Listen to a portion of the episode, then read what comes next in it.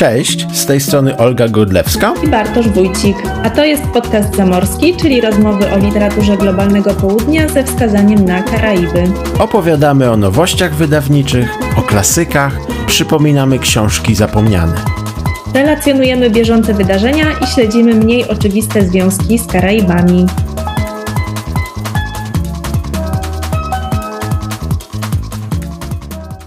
Dzień dobry.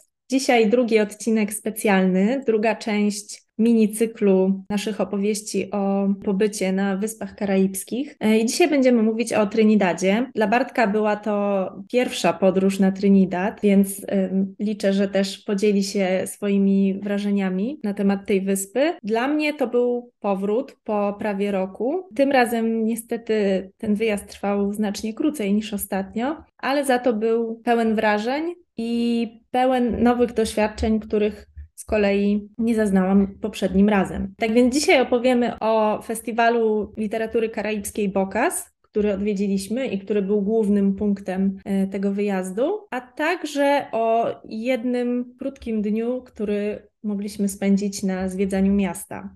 Podobnie jak w odcinku o Barbadosie, w tym odcinku również przygotowaliśmy dla Was muzyczne fragmenty, które będą przecinać naszą opowieść, ale zanim o tym, to mamy dla Was krótki news. News jest karaibski, choć dotyczy całej wspólnoty krajów, to znaczy jak co roku mamy ogłoszoną listę, taką dłuższą listę, ale ona się właśnie skróciła. Dłuższą, ale skróconą listę imion i nazwisk osób, które wygrały w poszczególnych regionach konkurs na najlepsze opowiadanie. Warunkiem jest mieszkanie i tworzenie i pochodzenie z krajów właśnie wspólnoty, i jak co roku są to regiony, które odpowiadają temu, jak historycznie korona brytyjska zarządzała koloniami, bo mamy obecne kraje Pacyfiku, mamy kraje afrykańskie, mamy Azję, mamy też Europę, Kanadę i Zjednoczone Królestwo oraz Karaiby. I tym razem e, regionalnym wygranym jest Kwame McPherson, osoba mieszkająca w Anglii, ale właśnie pochodzenia jamańskiego i w ten sposób no, został reprezentantem diaspory i też wyspy. Nie za dużo wiemy o tym opowiadaniu, bo jeszcze nie jest dostępne. Zasadą jest to, że najczęściej magazyn Granta darmowo udostępnia w sieci poszczególne po kolei opowiadania. Wiemy tylko na razie, że taką główną oś to jest spotkanie kierowcy, który jest dość zmęczony, z patrolem policji podczas takiej rutynowej kontroli, a to spotkanie ma miejsce na takiej wyludnionej, opustoszałej drodze. Wygląda na to, że gdzieś na Florydzie, gdzieś no takiej okolicy peryferyjnej. I pojawia się tajemnica. Tyle wiemy. Będziemy oczywiście dawać znać, jak to opowiadanie i inne opowiadania z innych części wspólnoty będą dostępne. Commonwealth Short Story Prize to jedna z wielu nagród, o których będziemy dzisiaj mówić, ponieważ podczas festiwalu Bokas było rozdanie kilku nagród związanych z festiwalem, ale o tym później. Na razie parę słów wstępu na temat samej wyspy. Dla mnie to był pierwszy raz na wyspie, którą myślę w Polsce trochę znamy z uwagi na to, co pisał W.S. Naipaul. Natomiast, no, no nie ukrywam, ja pierwsze spotkanie miałem opóźnione i nocne, bo lot z Barbadosu wieczorny spowodował, że wylądowaliśmy w takim gronie trochę pisarskim, bo na pokładzie, poza wspomnianą w barbadoskim odcinku Jane Price i Philipem Nantonem, okazało się, że też podróżowała Sharma Taylor. To znaczy, w sumie do końca nie wiem, czy tym samym samolotem. Na pewno wylądowaliśmy razem w kolejce przy odprawie na lotnisku i dlatego wysłałem tobie szpiegowskie zdjęcie. Bo myśmy się szpiegowskimi zdjęciami e, z Olgą dzielili, kogo to zobaczyliśmy na lotnisku i kto już jest na wyspie, bądź kto zmierza z lotniska. I w ten sposób mieliśmy trochę informacji nawzajem o osobach, jak na przykład Monique Brophy, która oficjalnie nie była na festiwalu, ale była, bo też udało nam się spotkać. Natomiast dla mnie to było bardzo męczące przywitanie z Trinidadem. Na lotnisku czekaliśmy długo, bo rzekomo zgubiliśmy jednego współpasażera. On się nigdy nie odnalazł, bądź ona, więc ta osoba albo została już do końca świata na lotnisku, albo po prostu jej nie było. I sytuacja była taka, że około północy dotarliśmy do Port of Spain.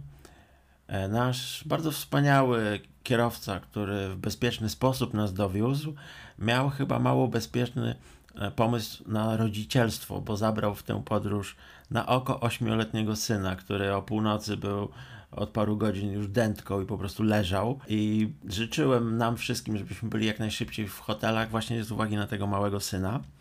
I chyba taksówkarz zrozumiał moje intencje, bo tak mnie szybko wy wysadził, że nie zdążył sprawdzić, czy jestem w dobrym miejscu. I tam się okazało, że nie mam zasięgu. To znaczy, że telefon jest e, bezużyteczną cegłą, bo nie ma też Wi-Fi. Że co prawda w hotelu pali się światełko, ale ono jest tak dość daleko za drzewami. Nie mam kodu wejścia, więc nie mogę sam sobie mm, nie forsować bramy. No i było już po 12 było jak na noc dość jasno, bo były, było trochę światła z latarni, ale jednak musiałem sforsować bramę przeskakując przez ten płot. Czułem się tak wieloznacznie, bo sobie pomyślałem, że w sumie no, jestem tutaj obcym człowiekiem na terenie hotelowym i wszystko się udało, ale no, nie, nie, nie, nie ukrywam, jak i odsyłamy do, do poprzedniego 11 odcinka podcastu zamorskiego. Jak wylądowałem na Barbadosie, to prawie byłem deportowany, znaczy w swojej głowie. A teraz w swojej głowie byłem prawie postrzelony. Natomiast hotelarz był przemiły, a całe to doświadczenie okazało się tylko realnie wytworem mojej, mojej zmęczonej wyobraźni. Ale taki był mój pierwszy widok nocnego Trinidadu i no trochę się zagubiłem. To znaczy zdecydowanie należało wcześniej kod do drzwi sobie zorganizować. Po tej burzliwej nocy i kilku godzinach odpoczynku spotkaliśmy się z Bartkiem na wspólnym śniadaniu, które składało się głównie z owoców mango i niebawem wyruszyliśmy pieszo w poszukiwaniu budynku Biblioteki Narodowej Trinidadu i Tobago, w którym odbywał się festiwal. Zajęło nam to nieco dłużej niż się spodziewaliśmy, troszeczkę pobłądziliśmy w uliczkach Port of Spain, ale ostatecznie z pomocą kilku przechodniów udało nam się dotrzeć na miejsce. Nie zdążyliśmy niestety na oficjalne otwarcie festiwalu, czego żałujemy, ponieważ na pewno było bardzo huczne, dlatego że była to już 13 edycja największego festiwalu literatury karaibskiej i była to pierwsza edycja, która odbywała się na żywo po pandemicznej przerwie, ponieważ w latach 2020-2022 festiwal odbywał się wyłącznie w formie onlineowej. Tak więc e, to otwarcie festiwalu było też wyjątkowe z tego powodu. Natomiast tematem tegorocznym festiwalu było hasło What's Your Story?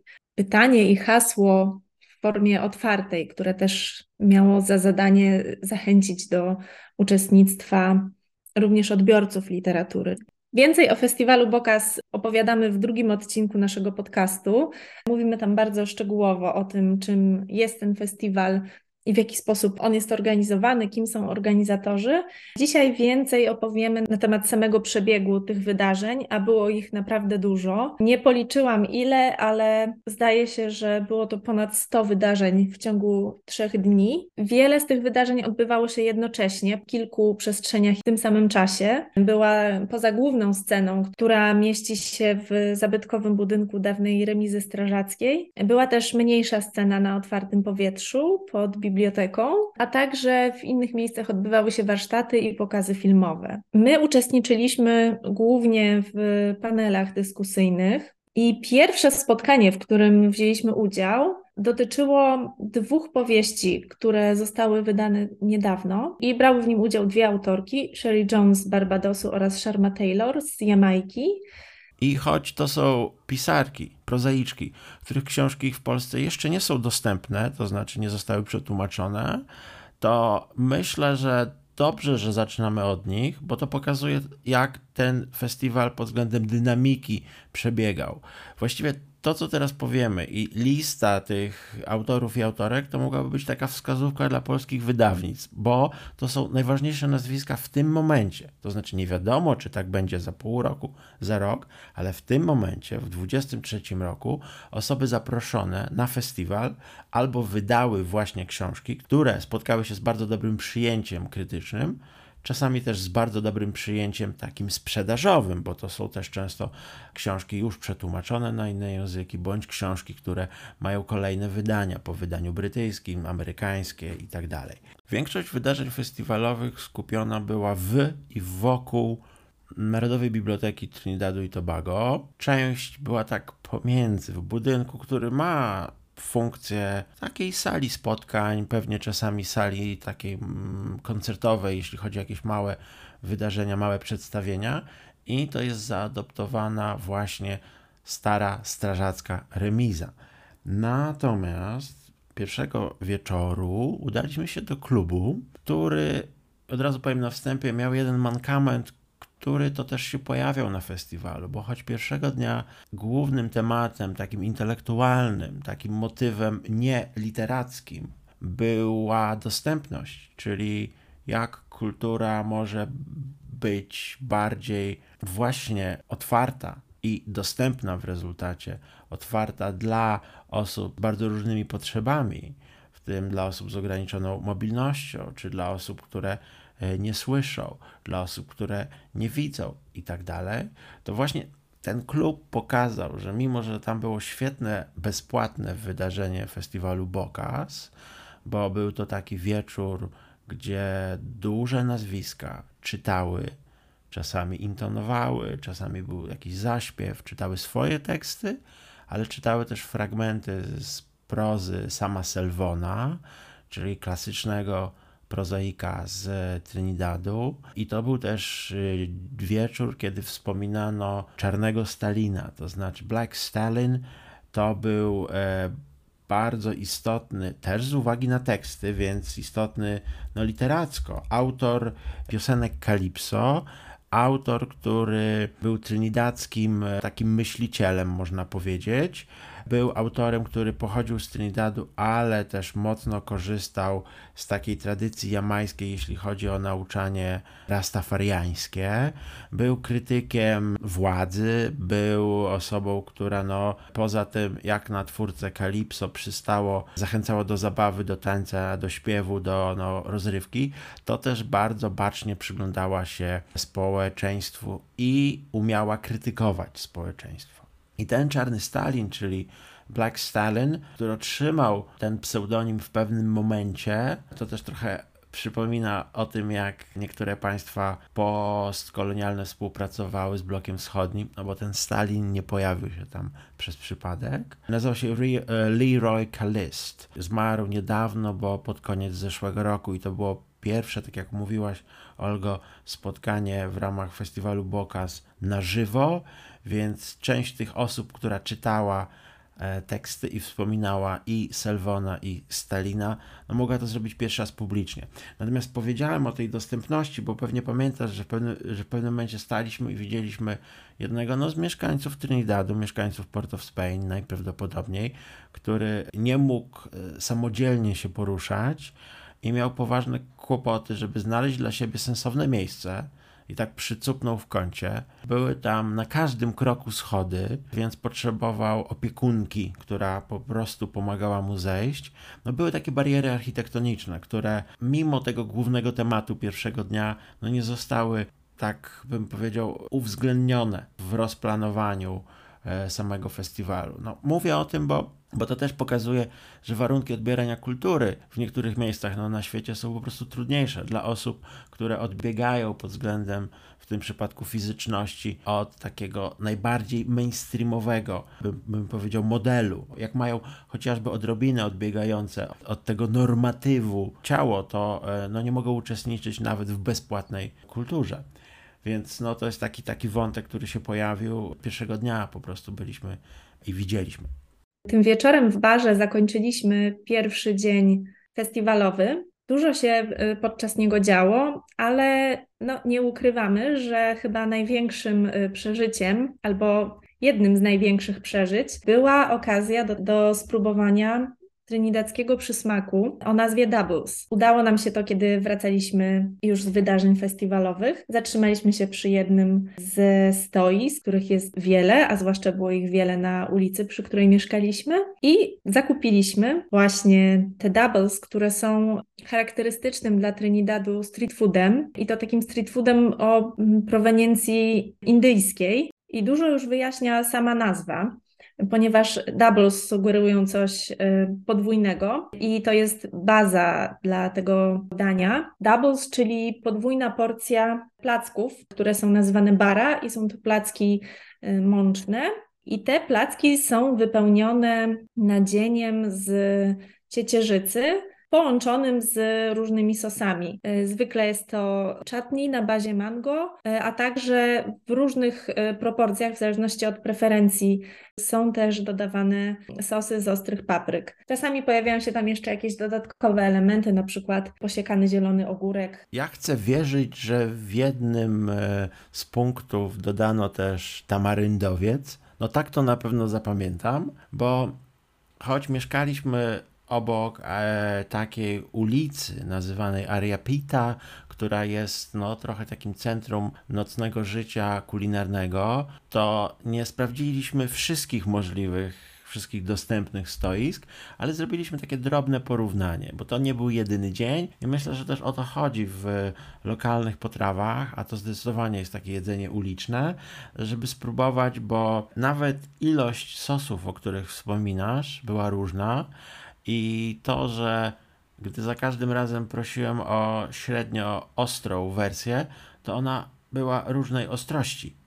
Bo też myślę, że jest wspaniały system e, podawania, wspaniały system pakowania, i w jednym z tych punktów trzy osoby pracowały. Była to właściwie taka pr praca, jak, jak gdyby przy mikro taśmociągu i pamiętam, że to na tobie zrobiło duże wrażenie, że było tam trze trzech szefów kuchni, to znaczy jeden z nich był szefem kuchni, natomiast e, dwaj pozostali mieli bardzo konkretne role, e, żeby szybko wydawać, bo to też jest takie jedzenie głównie dostępne rano i wieczorem, czyli przed wyjściem do pracy i właśnie po pracy, bądź jeżeli ktoś chce wyjść na miasto nie? i jeszcze mieć możliwość zjedzenia czegoś późniejszą porą. To w ogóle jest charakterystyczne dla Trinidadu i Tobago e, takie duże rozparcelowanie zadań w pracy. Często tam spotyka się na przykład w supermarketach osoby, które bardzo wąski zakres zadań, na przykład przeniesienie toreb zakupo, z zakupami klientów sklepu do samochodu. E, natomiast tutaj właśnie e, jedna osoba przyjmowała płatność za doubles, druga osoba przygotowywała posiłek, a y, ostatnia osoba pakowała go. I tak, rzeczywiście zwróciłam na to uwagę, dlatego że kiedy rok temu jadłam doubles po raz pierwszy, to y, wszystkie te czynności wykonywał jeden pan i to było na pewno dla niego bardzo trudne. Również dlatego, że no, specyfika doubles jest taka, że to jest po prostu jedzenie, które bardzo się brudzi i rozlewa. To też jest jeszcze jedna różnica, którą zauważyliśmy pomiędzy różnymi stoiskami, że w zależności od tego, no ile było nadzienia w środku i jak został zapakowany, jak zostały zapakowane te doubles, no to mm, różny był poziom później brudzenia się tym jedzeniem, yy, bo to jest z kolei trauma, którą ja wyniosłam po moim pierwszym spotkaniu z doubles, czyli po prostu jedzenie rozmazujące się wszędzie i rozchlapujące się po prostu wszędzie dookoła. Yy, I oczywiście brudne ręce i ubranie. Natomiast no, nam się udało tego uniknąć tym razem i chyba, chyba ty nie miałeś tak strasznych doświadczeń podczas pierwszego y, kontaktu z Doubles. Ja nie miałem rzeczywiście, choć byłem przygotowany na mm, no, doświadczenie trudne byłem przygotowany, że to będzie jedzenie oporne. Oczywiście pamiętałem, że zgodnie z nazwą jest to taki debel, taki duet, taka para, że są dwa placki, ale też wiedziałem, że to może przeciekać. Jeden z naszych no, ulubionych pisarzy z Trinidadu, Andre Bagu, zresztą napisał esej o doubles i tam się pojawia taki, myślę, mm, ciekawy frag fragment. Ja pozwolę sobie w takim zupełnie nieprofesjonalnym e, tłumaczeniu e, przedstawić, zupełnie tak na, na gorąco. Nie tylko dlatego, że mówimy o doubles, więc na gorąco, ale też dlatego, że powinniśmy chyba od początku powiedzieć, przyznać się do czegoś, że po powrocie z Trinidadu nie tak bardzo e, nas dotknął jetlag, oczywiście odczuwaliśmy, jak ta karaibska tabanka. I o tym chyba opowiemy mm, też dzisiaj, więc już możecie sobie zgooglować, czym ta karaibska karnawałowa tabanka jest. Natomiast ja zacytuję Andre Bagu, jak on widzi właśnie doubles. I brzmi to mniej więcej tak. Rzecz oparta na sprzeczności. Smażone na głębokim tłuszczu, ale bezsprzecznie wegańskie. Miękkie, delikatne, ale jest to pokarm stały i treściwy. Starannie zapakowane jako danie na wynos, ale brudzące, rzęsiście skropione smakowitością, którą aż chce się zlizywać z palców. Drugi dzień festiwalu, podobnie jak pierwszy, upłynął nam głównie na udziale w panelach dyskusyjnych. I jednym z nich był panel, który prowadziła Bernardine Evaristo. I to było takie trochę małe rozczarowanie, ponieważ w programie było zapowiedziane, że, że będzie to rozmowa na temat jej powieści Dziewczyna, kobieta inna. Natomiast okazało się, że temat spotkania był zupełnie różny od tego, co zapowiadał program. I Bernardine Evaristo wystąpiła w roli mentorki, ponieważ ramach e, programu sponsorowanego przez firmę Rolex. E, ona taki, taki program mentorski przeprowadza, a pod jej kuratelą znajduje się pisarka Aisha Haruna Ata. I z tą pisarką właśnie Bernardine Evaristo prowadziła rozmowę na tym panelu. Tak się zastanawiałem w trakcie festiwalu, na ile też momentami marketing brał górę, bo rzeczywiście tak to spotkanie było przedstawione. Zresztą udało nam się na moment porozmawiać z autorką, to znaczy pozdrowiliśmy ją od Agizano, od jednej z jej polskich tłumaczek. Natomiast rzeczywiście tutaj festiwal powstaje też nakładem bardzo zbiorowych si sił, bo poza tym programem mentorskim, który jest sponsorowany przez markę znaną z luksusowych zegarków, to też były na przykład współprace z różnymi wydawcami z regionu, w tym e, e, jamański wydawca Ian Randall prowadził warsztaty i akurat te warsztaty, jak i inne, wszelkie pisarskie i wydawnicze, takie właśnie dla branży warsztaty, były już dodatkowo płatne. Plus była też widoczna współpraca z Północną Irlandią, to znaczy z e, festiwalem literatury odbywającym się w Belfaście, bo tak w jednym z paneli była właśnie prozaiczka z tamtego kraju Jen Carson. Też taki element irlandzki, północnoirlandzki był w programie poetyckim. Więc to jest festiwal nadal bardzo, bardzo, bardzo karaibski, Natomiast próbuje trochę też odezwać się do diaspory, stąd Bernardine Evaristo i jej e, afrykańska pi pisarka, z którą współpracuje. Ale też właśnie myślę, to umiędzynarodowienie wynika z tego, że gdzieś taki festiwal musi też szukać partnerstw strategicznych. Więc może się okazać, że też będzie z czasem otwarty na na przykład współpracę z Polską, bądź e, nawet szerzej, nie wiem, z E, uwagi na istnienie mm, slawistyk, może właśnie z krajami tutaj z, z Europy Wschodniej czy Środkowo-Wschodniej. Festiwal e, Bokas w tym roku był też tak zbudowany, że co pewien czas w programie było spotkanie autorskie, gdzie jeden pisarz bądź pisarka byli w centrum. I udało się zaprosić w tym roku, co ma związek z premierą nietypowej jak dla tego autora książki, Lintona Kwesi Johnsona. On jest znany jako poeta i on jest znany jako muzyk. Bardzo społecznie zaangażowany. Kilka razy był w Polsce i ma też niejednego tutaj fana i niejedną fankę. Jest też już nestorem literatury karaibskiej. Pochodzi pochodzi z Jamajki, od lat mieszka w Londynie. Niedawno skończył 70 lat i trochę tak na urodziny jego partnerka bo sam w trakcie spotkania mówił, że wcale nie jest odpowiedzialny za tę książkę, bo ta książka zbiera jego prozę. Pierwszy raz możemy przeczytać jeszcze teksty, które pisał w latach 70., recenzje na przykład płytowe, ale też różne teksty okazjonalne. Jest tam dużo po prostu esejów, dużo takiej krytyki społecznej i co jest ciekawe, rozmowę z nim prowadził inny przedstawiciel diaspory, diaspory karaibskiej, Ronald Cummings, mieszkający w Kanadzie, literaturoznawca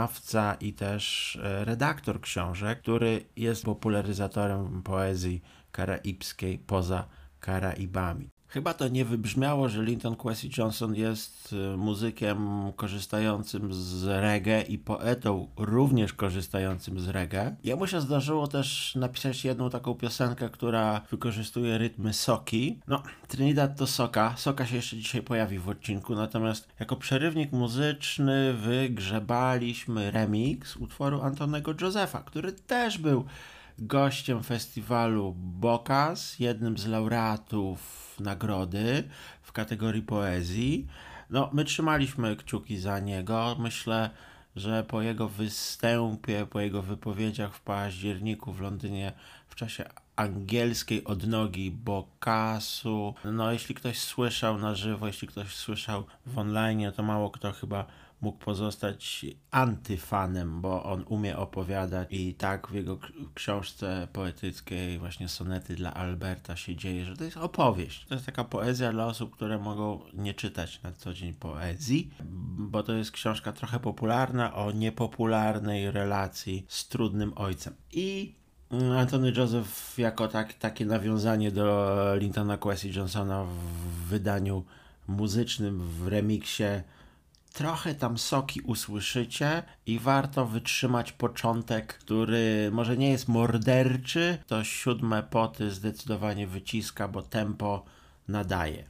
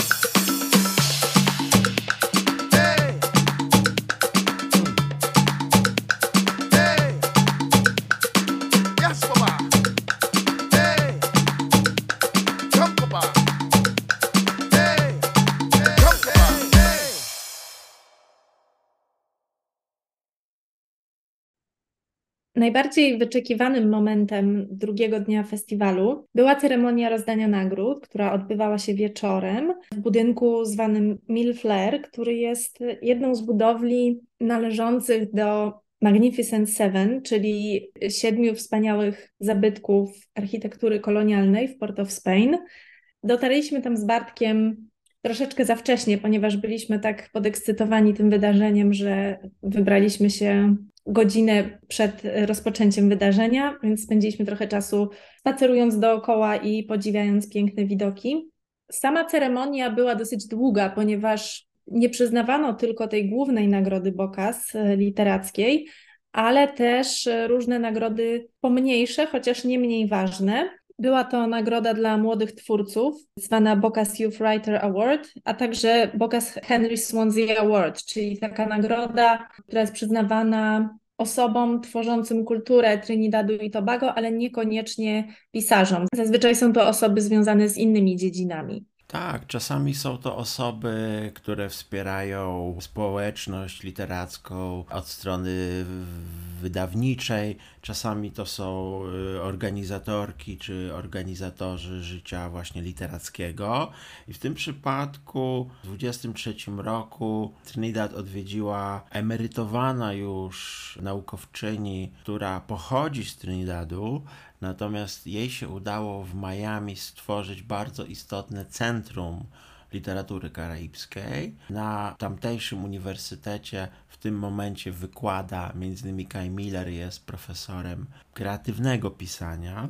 Natomiast profesora Sandra Boucher-Paquet uczyła bardzo długo różnych aspektów literatury i w ogóle kultury, czy takiego kulturoznawstwa karaibskiego. Ja ją zapamiętałem bardzo z jednej książki, bo ona zajęła się też karaibskimi autobiografiami i w tej swojej monografii pisze też o dzienniku Kamau Brathwaite'a, o którym rozmawiamy w odcinku barbadoskim.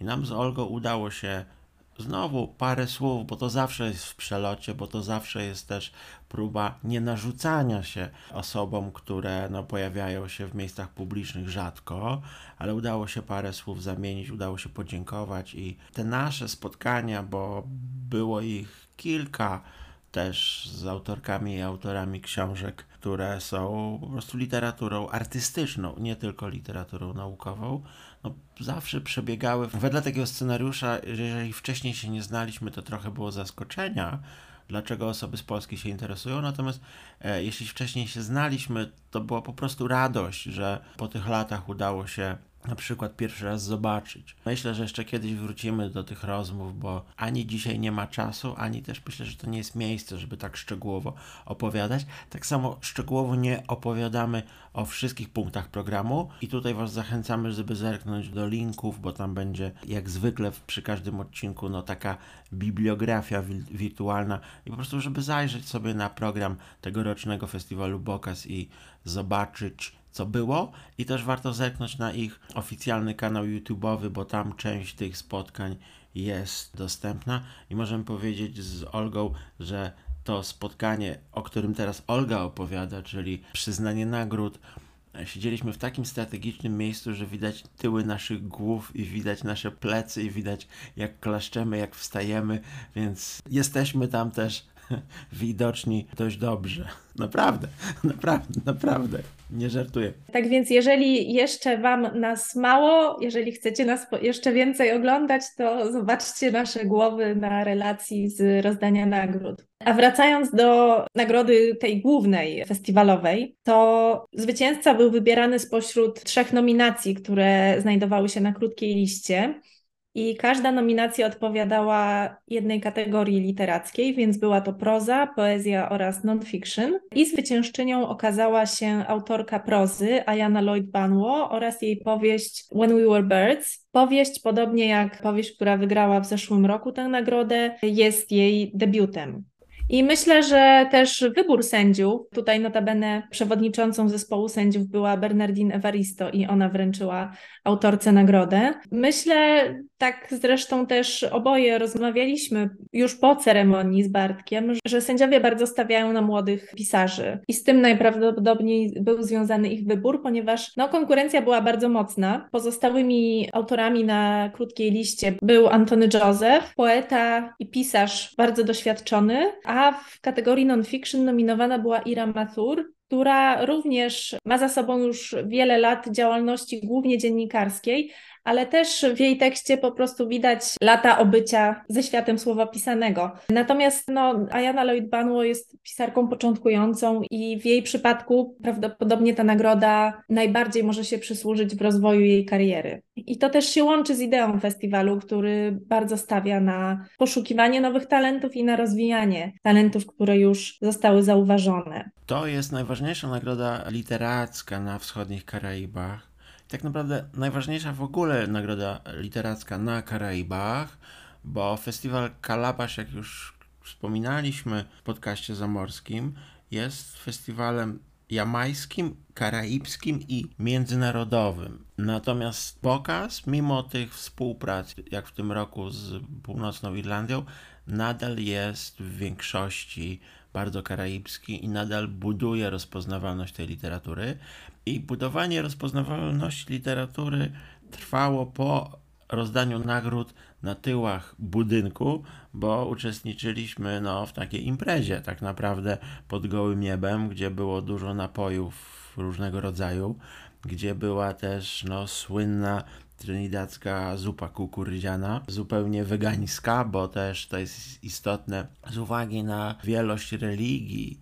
I tutaj głównie chodzi o społeczność z Indii i religię hinduistyczną, to mamy bardzo dużo możliwości jedzenia bezmięsnego. Więc jeśli szukacie takich wrażeń na Karaibach, gdzie je się do tej pory dość dużo mięsa, szczególnie na Jamajce, to Trinidad może być dla Was bardzo dobrym miejscem pod tym względem. No nam się tutaj znowu udało porozmawiać e, i mamy, mamy nadzieję przynajmniej, że z tych rozmów też wyjdą różne, nie tylko podcastowe rozwiązania, ale będziemy na bieżąco trochę później niż zwykle informować o tym, więc czekajcie, no może nie w takim napięciu, ale na pewno z, mam nadzieję, że z wytęsknieniem będziecie czekać, co się tam wydarzyło. No między innymi dowiedzieliśmy się też, czego się chyba nikt nie spodziewał o historii partii politycznych na Gujanie, ale też rozmawialiśmy e, o muzyce dancehall w Polsce co też zrobiło dość, dość duże wrażenie na akurat jednej z jamańskich tancerek, która brała udział po prostu w, w tym wydarzeniu literackim jako jedna z dobrych znajomych tam e, nominowanych.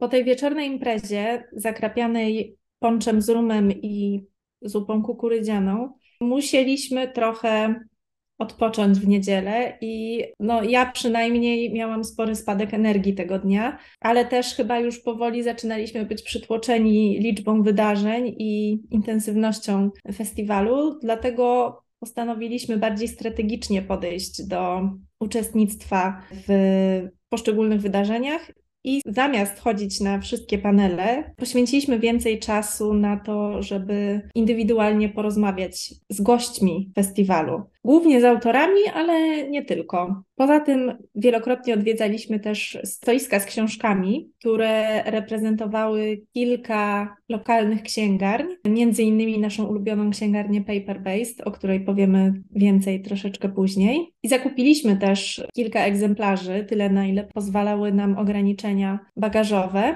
Natomiast to było bardzo dobre rozwiązanie, ponieważ wszystkie spotkania autorskie wiązały się również z możliwością uzyskania podpisu na książce. Więc nawet jeżeli nie przywieźliśmy własnego egzemplarza z Polski, to mogliśmy tutaj e, dokonać takiego zakupu. I efektem jest pokaźny zbiór autografów od autorów, który może kiedyś zaprezentujemy na Instagramie. No tak, nakupiliśmy książek i wygląda na to, że później przy wylocie już na lotnisku Piarco, czyli na lotnisku, które mniej więcej 40 minut drogi od Port of Spain e, się znajduje, miałem kolejną przygodę, która kosztowała nas obiad, bo nie zdążyliśmy w rezultacie przed lotem e, nic zjeść, a kosztowała mnie, bo miałem dość e, wnikliwą kontrolę bagażu. Musiałem wyjąć każdą książkę i każda książka była kartkowana. Jak się szybko zorientowałem, chodziło o to, że potencjalnie w takich książkach mogłem wyciąć strony, a że Trinidad z uwagi na lokalizację jest miejscem przerzutu też substancji nielegalnych z południa na północ, więc stąd ta kontrola i wyciągałem książkę po książce i książka za książką była po prostu kartkowana, sprawdzana, przeglądana. Niczego nie znaleziono. A ostatniego dnia festiwalu, ale nie naszego pobytu, bo będziemy mieć też opowieść o tym, co robiliśmy po festiwalu, czyli ostatniego dnia festiwalu w niedzielę zwieńczeniem był slam poetycki. Jest to o tyle istotne, że on nie był w żaden sposób wyłączony z festiwalu, do tego stopnia, że oficjalni goście i oficjalne gościnie, czyli mm, wspomniani poeci, poetki, byli też zaproszeni i część z nich wzięła udział w tym slamie, no jako widownia, co też nie zostało pominięte przez trinidadzką prasę, która następnego dnia relacjonując, myślę z taką dumą podkreślała, że właśnie Lyndon Kwesi Johnson, czy Antony Joseph, czy inne osoby no, były na sali i nie wyszły w trakcie. Nie? To też było istotne, bo to było długie wydarzenie. To było też wydarzenie kolejnej przestrzeni festiwalowej, no, w takim audytorium, które pomieści co najmniej 400 osób, ma bardzo profesjonalną scenę, która była używana nie tylko przez osoby slamujące, ale też przez osoby prowadzące, bo był duet y, lokalnych osobistości który to w sposób taki komediowy i często dla nas trudny możemy przyznać, bo było dużo kontekstu i była taka mm, no bardzo szybka wymiana zdań i cięcia były i riposty e, właśnie między nimi. Oni zresztą od dawna ten slam współprowadzą, więc trochę się tak mieszkając w Trinidadzie, tak podejrzewam na nich po prostu czeka co oni nowego zaprezentują. A slam się odbywa ponad dekadę. Zrósł się e, z festiwalem Bokas, Natomiast eliminacje mają miejsce regionalnie, to znaczy zapraszane są osoby, które chcą wziąć udział nie tylko ze stolicy, stąd później jak siedzieliśmy wśród widowni, to były bardzo takie reakcje głośne, były też po prostu wyrazem lokalnego wsparcia osób, które przyjechały często bardzo z daleka, żeby wesprzeć e, finałową piętnastkę. To jest o tyle istotne, że właśnie finałowa piętnastka to są osoby, które przeszły eliminację, przeszły półfinał i dostały się do ścisłej czołówki. Miejsce to zresztą nadaje się świetnie do koncertów, czego mieliśmy mm, możliwość doświadczyć, bo jako support właśnie wystąpił duet muzyczny to znaczy dwóch wokalistów. To jest też wydarzenie biletowane. Poza warsztatami tylko to wydarzenie festiwalu Bokas jest biletowane i mm, bilety wcale nie są tanie, bo to jest 200 trinidadzkich dolarów, jak jest 130 zł. Nagroda też jest niemała, bo tam do sponsorowania udało się przekonać i od lat ta relacja jest utrzymywana. Wiodący bank, instytucję typowo komercyjną i ta główna nagroda to jest 50 tysięcy dolarów trinidackich, czyli mniej więcej 8 tysięcy dolarów USA, co jest o tyle, myślę, ciekawe, że przecież ta główna nagroda za książkę, prawda, Olgo, wynosi 10 tysięcy dolarów e, USA, więc różnica jest no, niewielka. Prowadzący to wydarzenie podkreślali też i sponsor nagrody również, że jest to największa na świecie nagroda przyznawana za słowo mówione, z czego są oczywiście bardzo dumni. Bez tego nie udałoby się no, na takim poziomie zorganizować wydarzenia, które Chociaż patrząc na polską scenę slamu, która w tym roku obchodzi dwudziestolecie, to widać różnicę, jeśli chodzi o profesjonalizację, jeśli chodzi też o zainteresowanie medialne. Ja sobie zobaczyłem poza gazetami, po e, już e, wyłonieniu mm, zwycięzców, czyli trzeciego, drugiego i pierwszego miejsca w tym roku. Też e, kilka wywiadów z telewizji. Po prostu telewizja trinidadzka też zaprasza te osoby, bo jest to wydarzenie. Jest też jedna różnica taka odczuwalna, bo, bo e, te slamy z dużym udziałem publiczności, tak jak na Trinidadzie, e, nie zawsze mają wybrany taki zespół jurorski, a tutaj był i nie była nią publiczność. To, to było jury profesjonalne. Była tam i pisarka Sofia Maria Kinshasa z Barbadosu i Wielkiej Brytanii, zresztą też tancerka i poetka. Były też osoby angażujące się w działalność e, kulturalną, ale też biznesową na Trinidadzie. Ja bym jeszcze dodała porównanie tego slamu z wydarzeniami literackimi festiwalu Bokas, dlatego że Różnica jest znaczna. Po pierwsze, to wydarzenie zgromadziło znacznie większą liczbę osób, pomimo że było biletowane, jak wspomniałeś, Bartku, a wydarzenia festiwalowe w większości były darmowe. Inny też był odbiór tego, co się działo na scenie ze strony publiczności, czyli e, też e, wiem, Bartku, że zwróciłeś na to uwagę, jak bardzo entuzjastycznie publiczność e, reagowała na pojawienie się swoich faworytów, czy też osób, które y, pochodziły z ich regionu, czy też z ich wyspy, bo, y, bo każdy artysta na scenie, na scenie miał większe lub mniejsze grono swoich fanów. I właśnie często były to osoby, które specjalnie przyjechały do Port of Spain, aby ich wesprzeć podczas tego slamu. Więc myślę, że to też pokazuje preferencje odbiorców kultury na Trinidadzie i Tobago i to, że znacznie większe emocje i większe zainteresowanie wzbudza słowo mówione niż słowo pisane. To już było widać od pierwszego dnia, bo e, w okolicach Biblioteki Narodowej, w takich arkadach, w takich podcieniach, gdzie można się było schować przed tym żarem, e, było wydarzenie słowno-muzyczne, to znaczy taki pojedynek nazywany na mm, Trinidadzie extempo. Chodzi o e, improwizację na żywo, e, tak jak jest angielski czasownik to extemporize, że po prostu dwójka, trójka, czwórka osób spotyka się i mm, wymieniają się zwrotkami i po prostu komentują to, co się dzieje, w tym na scenie, czy, na, czy wśród y, y, publiczności, bo nawiązują też w ten sposób kontakt i, i też, myślę, starają się przekonać do siebie publiczność. Coś takiego miało miejsce.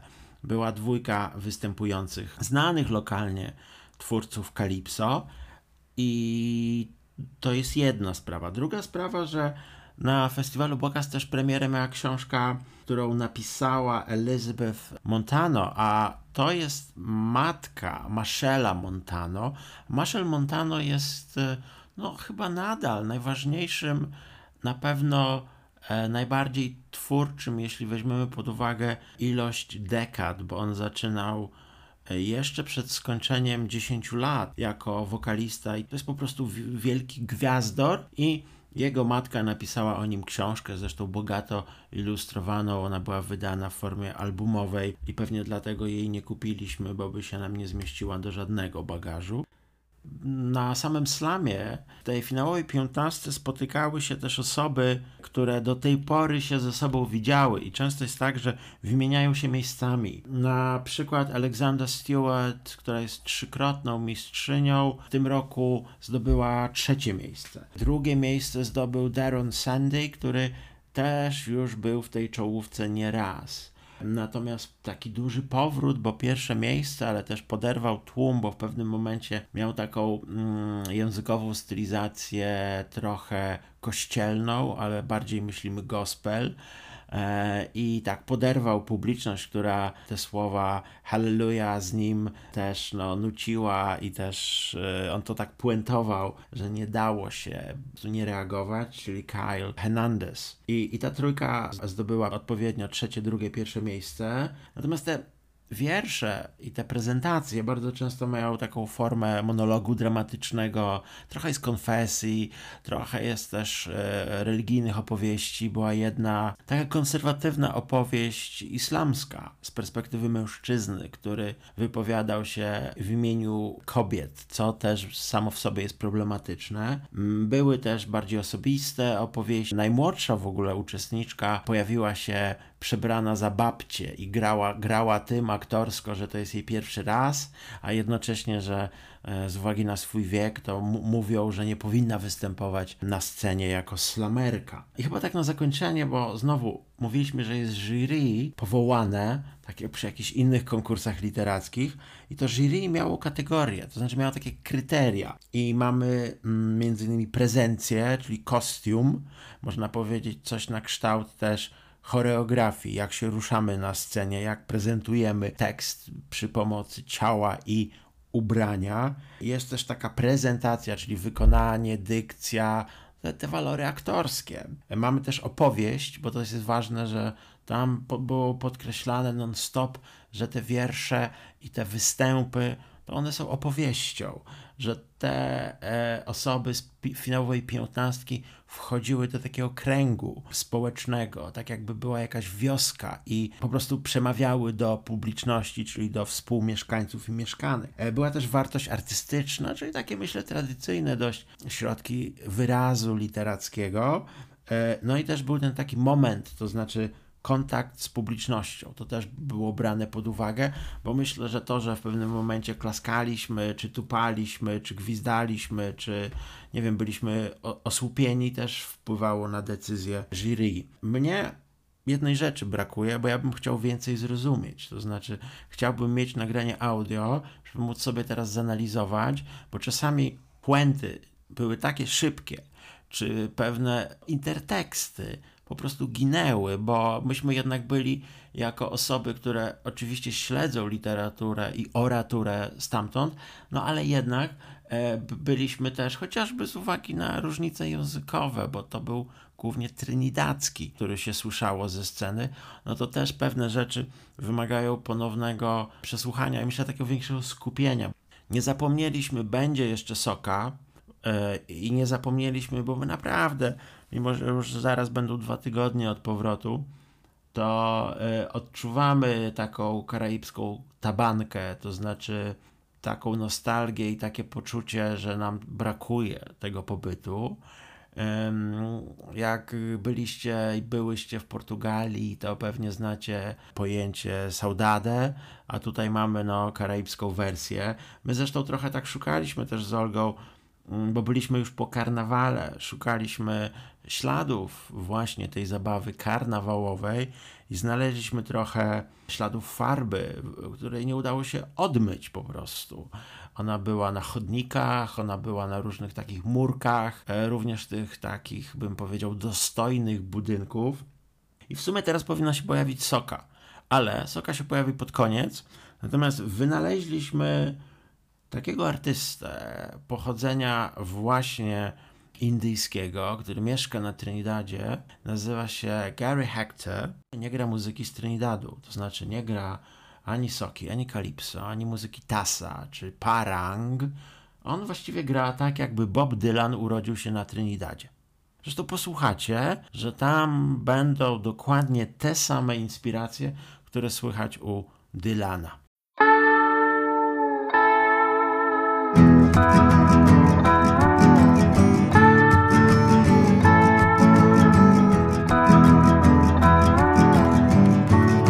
I don't need no restoration. All I need is a home. I don't need no confrontation. All I need is a home. The country boy, you know, he come to town. No clue how the shit goes down. Maybe he stayed a little too long. He's sitting and standing and falling down. His head's too heavy to wear the crown. He needs more selfies than songs. Yeah, we accept cards and checks and stone cold cash for national treasures, but not national trash. Trash! Ah. Ah. I don't need no beautification. All I need is a hope. No one man demonstration. All I need is a hope. Take a little minute and look around. Recognize the fact that you don't belong. Slip out quietly, just move along. You mix a drink and dance alone. Forget your troubles and you do no wrong. All street dogs just move along. Yeah, we accept cards and checks and stone cold cash for national treasures, but not national trash. Trash! Ah,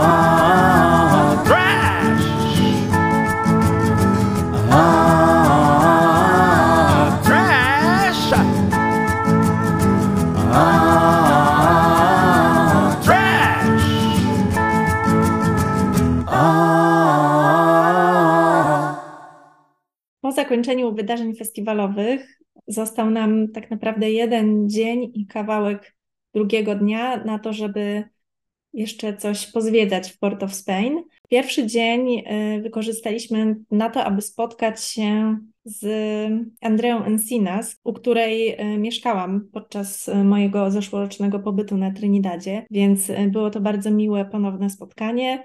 Najpierw poszliśmy na spacer po ogrodzie botanicznym, gdzie podziwialiśmy tropikalne rośliny, a później odwiedziliśmy księgarnię Paper Based, tym razem w ich siedzibie, a nie na stoisku festiwalowym. Panie księgarki były bardzo zajęte rozpakowywaniem towaru po całym szalonym weekendzie pełnym pracy i sporządzaniu raportów, ale my mieliśmy okazję zrobić krótką relację z księgarni i też porozmawiać chwilę z właścicielką. Może, może coś powiedz o Twoich wrażeniach, bo, bo w sumie byłeś tutaj pierwszy raz, nie? To była moja pierwsza wizyta w tym mitycznym miejscu. Okazało się, że rzeczywiście jest ultrakameralna, natomiast napakowana książkowym dobrem. I, I znowu bardzo dużo książek z Karaibów, nie tylko tych najważniejszych wydawnictw, ale też trochę takich okazjonalnych, które nie są dystrybuowane szeroko e, książek i, i tytułów. Moją uwagę przykuł słownik właśnie trinidadzkiego i obiecałem sobie, że następnym razem zabiorę go, ale to jest no jedna trzecia walizki, bo to jest bardzo poważne dzieło naukowe. To jest słownik zdecydowanie niepodręczny, choć bardzo pomocny. I to jest jedna rzecz, a druga, która przykuła bardzo moją uwagę, to jest coś, co za moment okazało się, że zobaczyliśmy jeszcze bardziej na żywo, bo zobaczyłem plakat artysty e, Bruce'a Coyon, którego znałem do tej pory z jego afiszy, które ręcznie maluje, afiszy imprezowych i też reklam. Bo na przykład widzieliśmy reklamę e, pralni, którą on narysował. Mm, bo to z reguły te jego afisze są takimi efemerydami, no bo jak jest impreza, dajmy na to 4 kwietnia, to już 5 kwietnia ten słup jest zajęty przez jakąś inną reklamę, przez jakiś inny właśnie afisz. I są osoby, które zbierają e, te prace wizualne Bruce'a Coyon i udaliśmy się wspólnie, zresztą z Andreą, do Belmont, do dzielnicy, w której znajduje się studio i artysty, ale też gdzie działa kolektyw Alice Yard, zresztą związany z festiwalem Bokas, bo Nicholas e, Locklin, jeden ze współtwórców, też jest takim człowiekiem właśnie zaangażowanym w działanie Alice Yard. Tam poznaliśmy Chrisa, tam poznaliśmy Raquel, tam zobaczyliśmy, jak też powstają takie szczudła e, trinidadzkie, na których w czasie karnawału chodzą różne postaci. Zobaczyliśmy przygotowania do warsztatów i porozmawialiśmy też o Wenezueli. To było chyba dla nas nie tyle zaskoczenie, co chyba super istotne takie doświadczenie, że w tym kolektywie artystycznym są osoby, które współpracują no, z osobami, które są uchodźcami uchodźczyniami i uchodźcami z, po prostu z Wenezueli, e, że prowadzą warsztaty, że prowadzą takie działania, bym powiedział, społeczne dla dzieci na przykład, że też powstała drużyna taka, która jest integracyjną drużyną e, siatkówki, która właśnie skupia w sobie społeczność wenezuelską i e, wśród linków w tym odcinku znajdziecie e, odnośnik do filmu na YouTubie właśnie o osobach z Wenezueli mieszkających na, na Trinidadzie. To jest zresztą film pokazywany niedawno na festiwalu Hairuna w St. Vincent.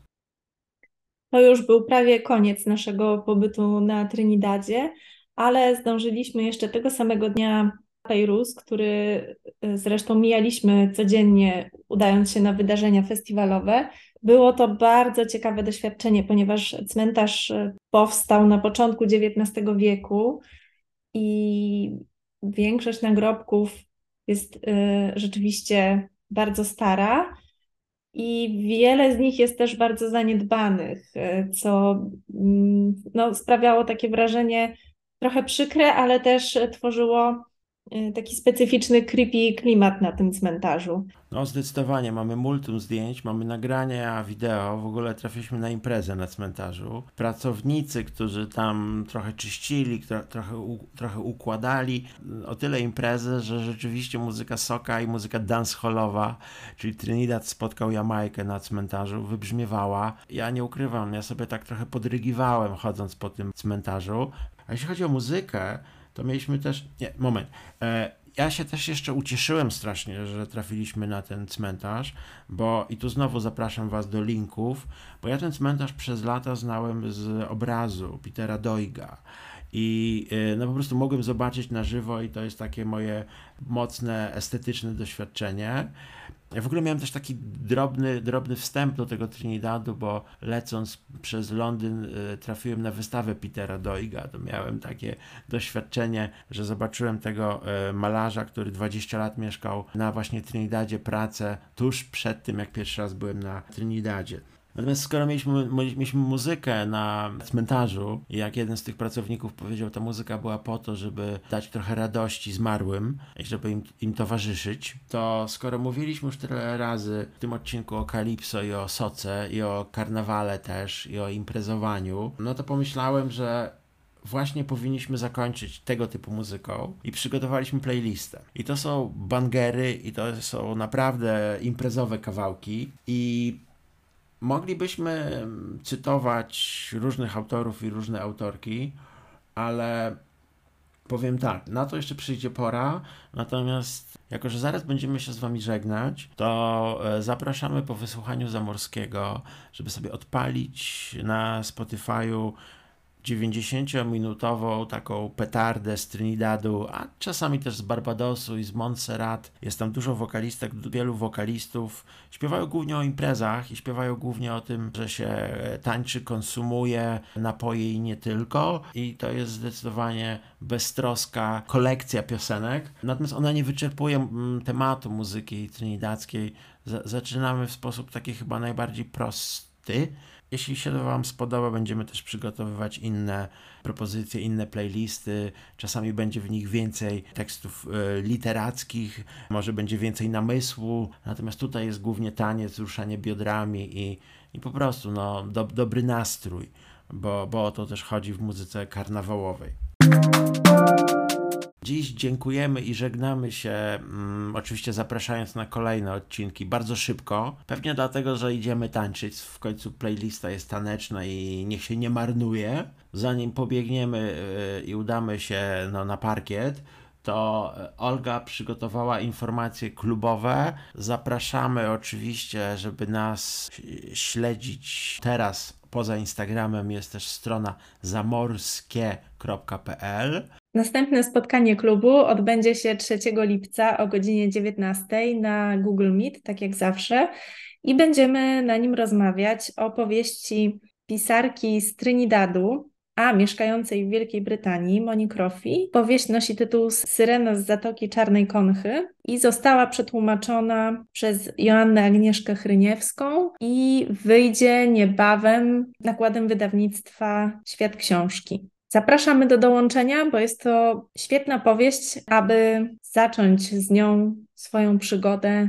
z literaturą karaibską. Ja tak uczyniłam i czytam ją do dzisiaj, więc polecam. Miało być krótko, więc do usłyszenia, no i może gdzieś do zobaczenia. Do następnego, cześć. No, no chyba tyle, nie? Dobra. Wystarczy. Jakoś mam wrażenie, że strasznie długie było to nagranie. Myślę, że będzie powyżej godziny jeszcze z tą muzyczką. Zobaczymy.